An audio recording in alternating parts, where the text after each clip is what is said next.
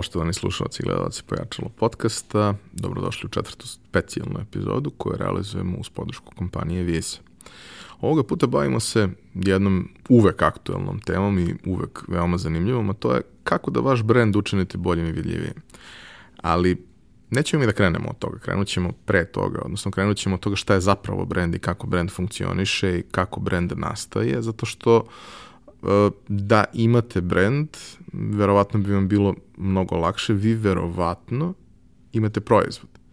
I ako imate dobar proizvod, to je super preduslov da on vremenom postane brand, ali to je potreban, ali ne i dovoljan uslov.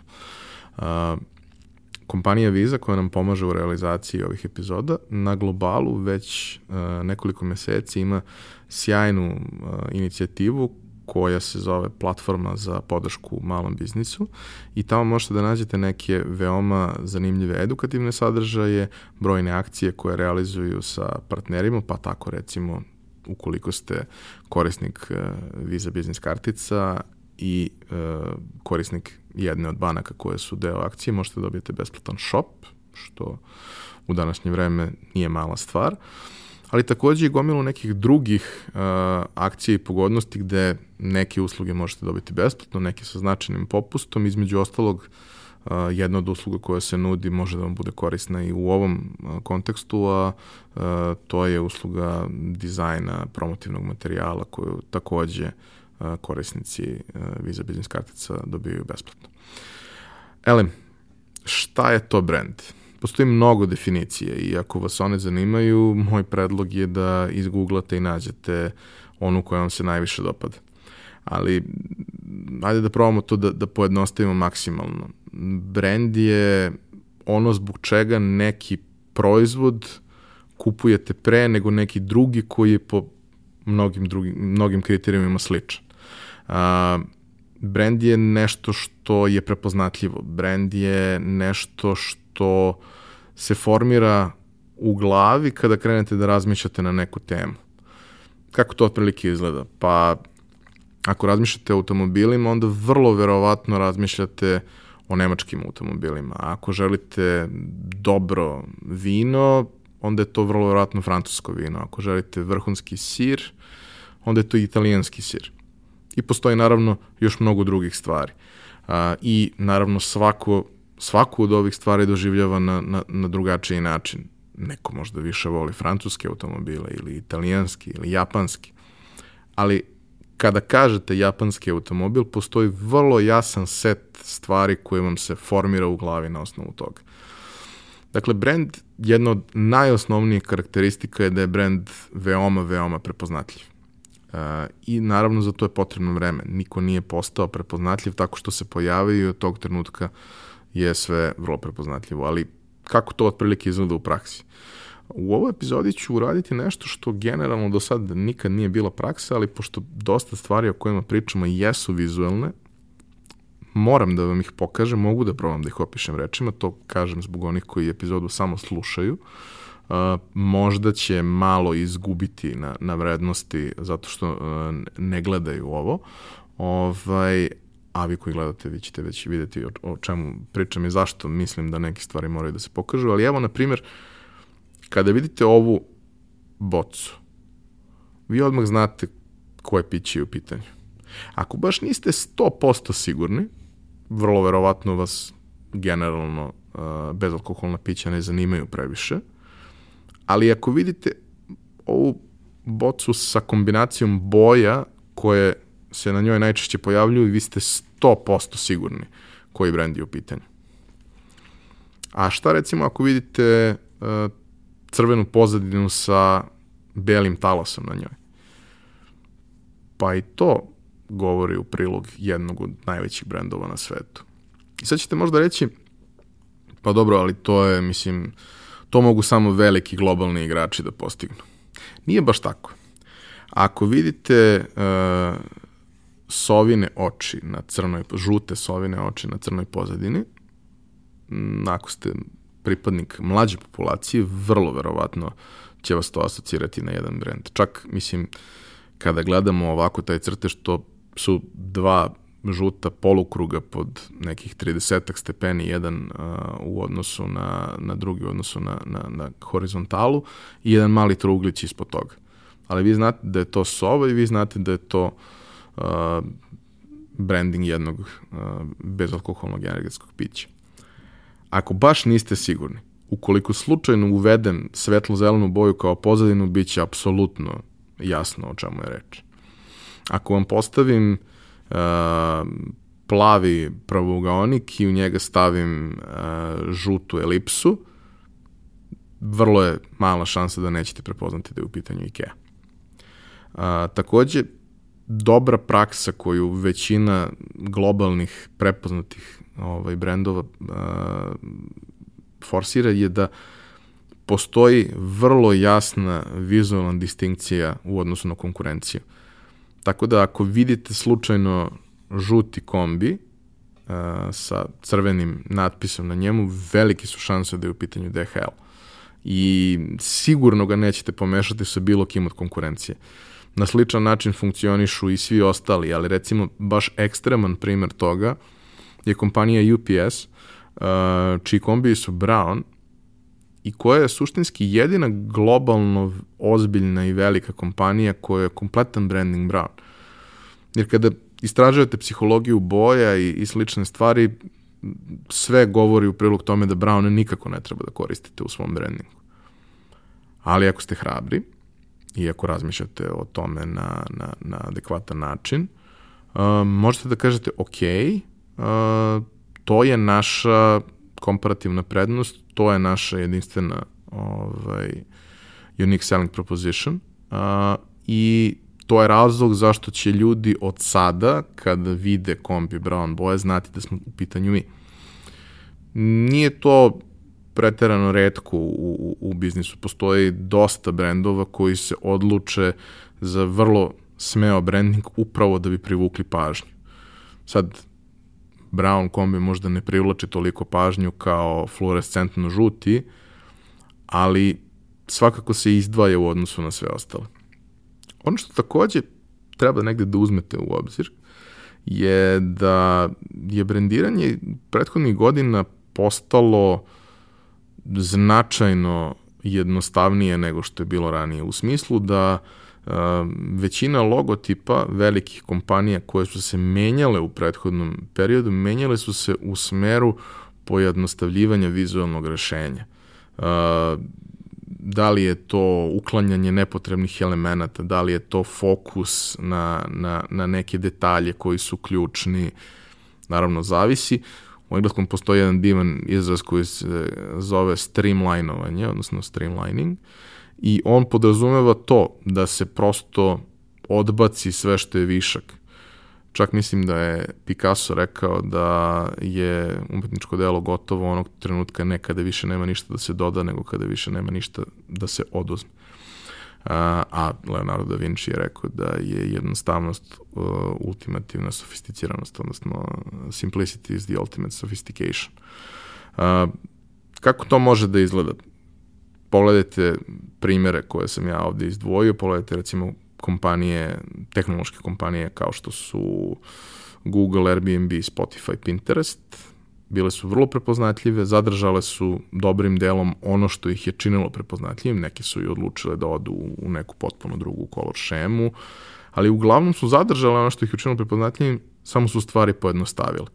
Pojednostavile su ispis, učinile su tako da kada ih vidite sa uh, dva metra njihov logo vi dalje možete da, da, da prepoznate taj logo na proizvodu. Kada ih vidite na nekom, da kažemo, brandingu, na nekoj nalepnici na vratima i sa 5 metara znate da je to njihova nalepnica, jer su to prosto te boje, to je ta ikonografija, to je ta tipografija. Uh, takođe, recimo, vrlo zanimljiv primer je i primer našeg sponzora, kompanije Visa, koja je takođe krenula od vrlo prepoznatljivog brandinga, vrlo prepoznatljivih boja, vrlo brzo usvojila i naziv koji i danas nosi, ali je vremenom išla ka tome da maksimalno pojednostavi svoj izgled, jer je to upečatljivije, jer je to čistije, jer je to prepoznatljivije.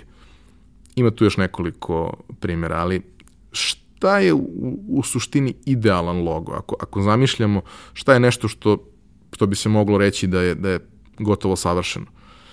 Savršen logo je onaj koji možete bez problema da nacrtate rukom, čak i ako niste nešto pretarano talentovan crtač. Logo kompanije Nike, kompanije recimo BBC koje sam ovde izdvojio, je nešto što svako može da nacrta rukom, ne mora da ga nacrta idealno, ali će biti potpuno jasno i nedvosmisleno da su u pitanju te kompanije. Naravno, takvih logova ima mnogo. Ovaj, ali vrlo često, čak i one kompanije koje su išle sa nečim kompleksnijim, idu ka tome da sada maksimalno pojednostave stvari. E sad, branding je deo marketinga i veoma važan deo marketinga, jer on pravi razliku vas u odnosu na konkurenciju. I generalno, branding je nešto u što mora jako puno da se ulaže. Postoji analiza koja kaže da veliki retaileri sportske opreme na recimo 100 dolara koliko košta njihov proizvod imaju samo 5 dolara profita, odnosno konkretno analiza koju, koju sam čitao kaže da Nike ima 5 dolara profita, a da recimo Adidas ima 4 ili 3 čak. I, i Kada pogledate strukturu zašto je to tako, vidjet ćete da jedan značajan deo troškova zapravo odlazi na marketing. Mnogo više odlazi na marketing nego što odlazi na proizvodnju samih proizvoda. I to je razlog zašto je neka kompanija uspešnija od onih ostalih, zato što je vrlo svesno toga da dobar proizvod je, kao što sam na početku, mislim, rekao, potreban, ali ne i dovoljan uslov da budete uspešni, a da postoji još mnogo stvari koje tu moraju da se urade. Sad, možda kompanija Nike baš i nije idealan primer, a možda i jeste. Ona je postala toliko velika i toliko značajna zahvaljujući ugovoru koju su potpisali sa Michaelom Jordanom uh, 80. godina i o tome možete da, da ovaj, gledate i u njegovom dokumentarcu koji svakako preporučujem. Uh, ovaj, a možete da istražite malo više ovako. A, to je bio skok u nepoznato, velika hrabrost sa njihove strane koja im se jako dobro isplatila.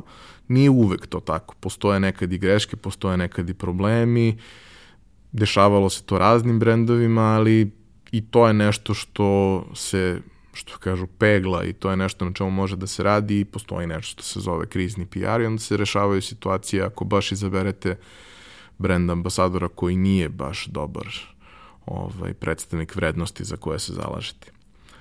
Uh, ono što sam takođe hteo da, da, da negde pomenem u, u ovoj celoj priči, dakle, s jedne strane, veoma je važno da budete prepoznatljivi, sa druge strane, bitno je da to bude razumljivo, čitko, uh, za naziv kompanije je recimo veoma važno da može vrlo lako da se izgovara i da je nedvosmisleno kada ga izgovorite.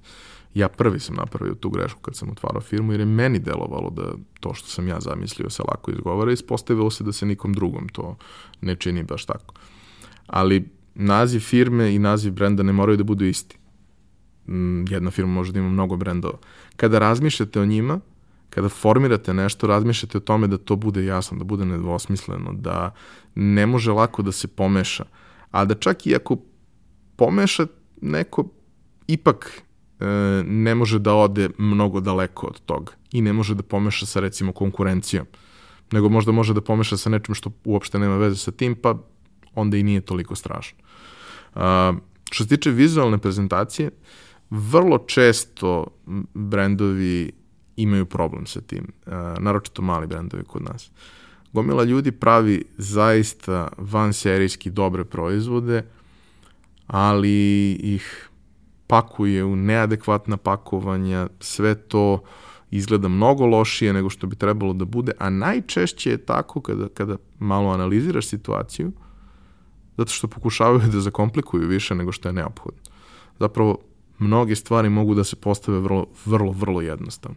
Evo recimo, ja sam ovde izdvojio jedan branding koji sam našao na internetu koji mi se veoma dopao za, za hotel, ali hotel se zove po jednom od najpoznatijih fontova, takođe sjajan dokumentarac koji preporučujem da pogledate, po fontu Helvetika Helvetica je font koji se vrlo često koristi u svim, e, recimo, javnim signalizacijama, e, oglasnim tablama informacijama za, za, za turiste i slično, zato što je izuzetno čitak, nedvosmislen u svakom smislu e, i vrlo, da kažem, jasno razgovetan, čak i ako nije preterano veliki ako nije pretarano krupan ispis, vi i dalje možete da pročitate šta tu piše. Evo, neko je uzeo vrlo jednostavnu kombinaciju boja, čak vrlo prepoznatu kombinaciju boja, ali eto, sam siguran da niko neće pomešati ovaj hotel sa onim pićem sa početka priče, zato što koristi istu kombinaciju boja. Uh, I gotovo sve što je tu postavljeno je potpuno čitko, jasno, razgovetno, nedvosmisleno. Uh, takav treba da bude i jezik koji koristite, ali takav treba da bude i vizualni jezik koji koristite. Nekada, u slučaju nekih brendova, apsolutno ima smisla i da idete sa nečim kitnjastim i da idete sa nečim što je čak možda kič, ukoliko je to ono što, što da kažemo, na najbolji način opisuje vaš brend.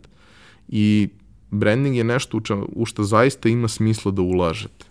Uh, apsolutno ima smisla da u trenutku kada, kada shvatite da vam je ta priča značajna i da vam je potrebna ovaj, pomoć što se toga tiče, da angažujete dizajn studio koji će vam napraviti i dobar logo i dobru etiketu, možda vam i pomoći oko imena, ali u onoj prvoj fazi kada nemate sredstva za tako nešto i kada biste se opredelili za sam svoj majstor ili ono, komšijinog sina, pokušajte da razmišljate u kontekstu da stvari treba da budu najjednostavnije moguće.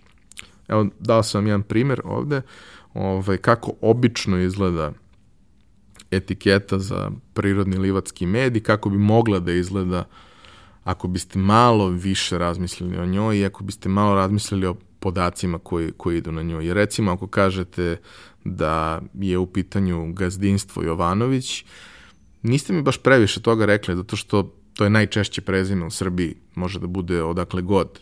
A, takođe, ako postoji toliko elemenata, jeste vrlo česta asocijacija na med i saće i sve što uz to ide i sličice pčela i sve to u redu, ali je ovo jako, jako vizualno prenatrpano i prekomplikovano i vrlo teško da sa dalje od distance kada držite teglu u ruci, prepoznate o čemu je reč i da se odlučite za tako nešto. A u primjeru koji sam vam dao, recimo, to je dodati je naziv, koji je prepoznatljiviji mnogo od prezimena Jovanović, dodate lokacija, jer lokacija jeste bitna, ljudima koji kupuju tu vrstu proizvoda, lokacija jeste bitna kao što im je bitan, bitna i vrsta meda. Ovaj, I dodati jedan mali detalj koji je možda suvišan, ali vodim se pričom mog dragog prijatelja i kolege Lazara Džamića iz 90. godina, to je pominjao i u epizodi Pojačalo u kojoj je gostovao, o tome kako je tada kada je, kada je bio građanski rat i sve posledice koje on doneo sa sobom, ovaj, pomagao ljudima koji su izbjeglice da naprave svoje sobstvene male biznise. I dobar deo njih se opredeljivao za to da uh, krene da, da gaji kokoške, jer je to nešto što zahteva relativno malo ulaganja, manje više konstantan je prinos i možete se osloniti na to što, što ovaj, svakog dana možete da dobijete od svojih koka, odnosno konkretno na proizvod zvani jaja koji je manje više svima potreban. E, I onda je pričao, pričao o tome kako, eto, kada imaš vrlo ograničene resurse, treba da pokušaš da se izdvojiš u odnosu na ostale tako što ćeš sa jedne strane emocionalizovati svoju priču, ovaj, a sa druge strane tako što ćeš učiniti autentičnijom. Jaja se prodaju na pijaci. Pijačne tezge su nešto što je veoma dosadno i ne nešto preterano lepo. Ali vi vašu možete da učinite nešto boljom. Vi na vašu možete da stavite malo više sena, možete da stavite neke uh, stare karirane krpe, možete jaja da iznesete u uh, pletenim kotaricama, a kada neko želi da ih kupi, da ih pakujete naravno u kartone, jer to je mnogo, mnogo praktičnije za ljude, ali možete da učinite da to ljudima bude prijatno, autentično i da to zaista steknu utisak da su u pitanju domaća jaja.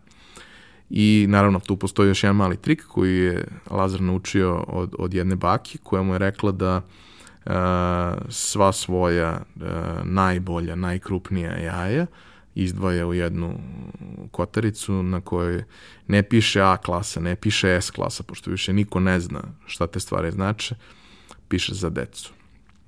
Ok, možda ovo sve ne možete da primenite, ali jedna stvar koju verovatno možete da uradite je da možda dodate neki detalj. Evo ja sam ovde konkretno uzeo ovaj, i dodao uh, malo tkanine koje, koja je preko poklopca i vezana i, i izdvojit će vas u odnosu na sve ostale medove koje stoje na nekoj polici ili stoje na nekoj teski. A ako već pravite med, zašto ne biste razmišljali o tome da taj proizvod zapravo može da se unapredi? Možda i ne mora apsolutno možda vaša prodaja opravdava to da se fokusirate samo isključivo na med. Ali ako želite da privučete nove kupce, ako želite da privučete roditelje i decu, možete da pokušate da razvijate nekakve proizvode na bazi meda. Evo recimo jedan od brendova koji to rade, koji su vrlo interesantni i čija, či, čiji proizvode su vrlo, vrlo zanimljivi, je zlato u tegli, oni imaju, pa sad ja mislim više od 10 ukusa. I to pravi razliku i u tom smislu da to više onda nije običan med, to više ne mora da bude kilo meda za 500 dinara, već zapravo uh, možete da pakujete to u manje pakovanja, možete da prodajete po višoj ceni, ljudi će i dalje biti zadovoljni, zato što to više nije nešto što koristite samo uz čaj ili u nekim redkim situacijama, već je to nešto što, što i deca žele da konzumiraju i što se, da kažemo, mnogo više troši, ali niko ne želi neka velika pakovanja, nego više malih, pa i različite ukuse i sve što ustoji. Generalno, još jedan primjer, recimo, koji sam izdvojio, potrudio sam se da primjeri budu lokalni, je e, brand Granum, e, koji pravi razne vrste ulja i namaza, koji je takođe dokazao sa jedne strane da pakovanje i etikete mogu da budu veoma jednostavne, a fantastično efektne i da proizvodi koji su dobri, kvalitetni od jako dobrih sirovina zapravo uopšte ne moraju da budu jeftini. E, nije poenta da sebi pucate u nogu tako što ćete maksimalno spustiti cenu svojih proizvoda, poenta je da učinite te proizvode da korisnicima koji ih kupuju i razmatraju za kupovinu deluju vredni toga. I to je moguće. To nije nešto što, što je nemoguće. Postoji mnogo pozitivnih primjera koji to pokazuju. Izdvojio sam još jedan zanimljiv primjer, to je brand uh, džemova i konfitura Mingle, koji takođe po značajnoj ceni prodaje mala pakovanja zaista fantastičnih namaza na bazi voća. Um, mislite da, da to što pravite ne može da, da se proda za neku višu cenu? Pa ako ga spakujete kako treba i ako zaista verujete u to što je unutra, vrlo verovatno može. Mm, kabinet pivo kad se pojavilo, niko nije verovao da pivo može da se prodaje za 300 dinara flašicu, domaće pivo, ali očigledno može. Takođe, e, domaća rakija može da košta par stotina dinara, ali postoji dosta sada već brendova koji koštaju i nekoliko hiljada, ali vi osim vrhunskog napitka, alkoholnog, dobijete i jedno zaista lepo pakovanje i nešto što ima vrednost i kao poklon i kao nešto što prosto ulepšava svaki prostor i adekvatno pakovanje treba da, pa, da prati dobar proizvod. Slična priča i sa vinima. Da, vino, to ne može da košta preterano, samo strana vina mogu da dođu u obzir. Ok, postoji bar 3-4 brenda domaćih vina koji su dokazali da to prosto nije tako. I manje više tako u svakom, svakoj industriji, u svakoj vrsti proizvoda. Majice, pravite majice, štampate majice. I to, verujete, to ne može da se prodaje za više od 1000 dinara. Pa može, evo ja nosim dečko car majicu manje više svaki put kada ste, u stvari ne manje više svaki put kada ste me do sad slušali i videli, ja sam nosio dečko car majice. To su majice koje se prodaju za 2000 dinara.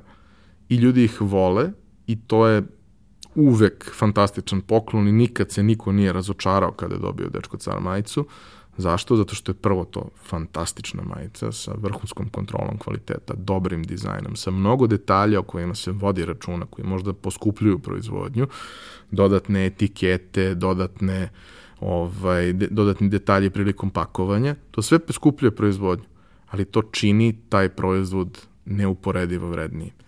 I kada analizirate malo situaciju na tržištu, a prethodnih meseci smo, verujem, svi imali malo više vremena na raspolaganju, pa smo mogli to da radimo. Tako je sa svim proizvodima.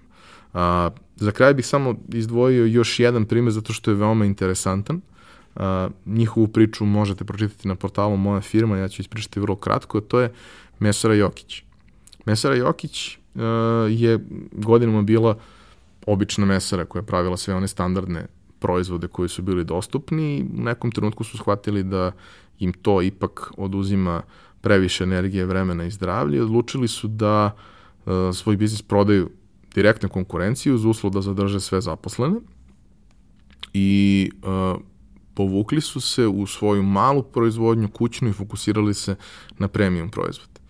I zahvaljujući njima mi danas imamo neke vrhunske premium teleći proizvode od teletine i junetine, a vrlo verovatno da su pitali za mišljenje ovaj, gomilu ljudi na tržištu, oni bi im rekli da ne postoji tržište za tu vrstu proizvoda, ne postoji tržište za tu cenovnu kategoriju proizvoda. Ispostavit će se da postoji. Ispostavit će se da su oni danas postali toliko značajni da vrhunski restorani kada žele da naglase da njihovo meso zaista, zaista sjajno, oni naglase i stave mali logo uh, Mesara Jokića. To bi bilo sve što smo pripremili u ovoj epizodi. Hvala vam na pažnji. Uh, naredne srede imamo jednog vrlo zanimljivog gosta koji je finansijski savjetnik i analitičar i koji će zajedno sa mnom probati da vam da neke vrlo konkretne i primenjive savete kako da što bolje ovaj, pregurate ovu krizu i generalno kako da možda na bolji i pametniji način upravljate svojim financijama.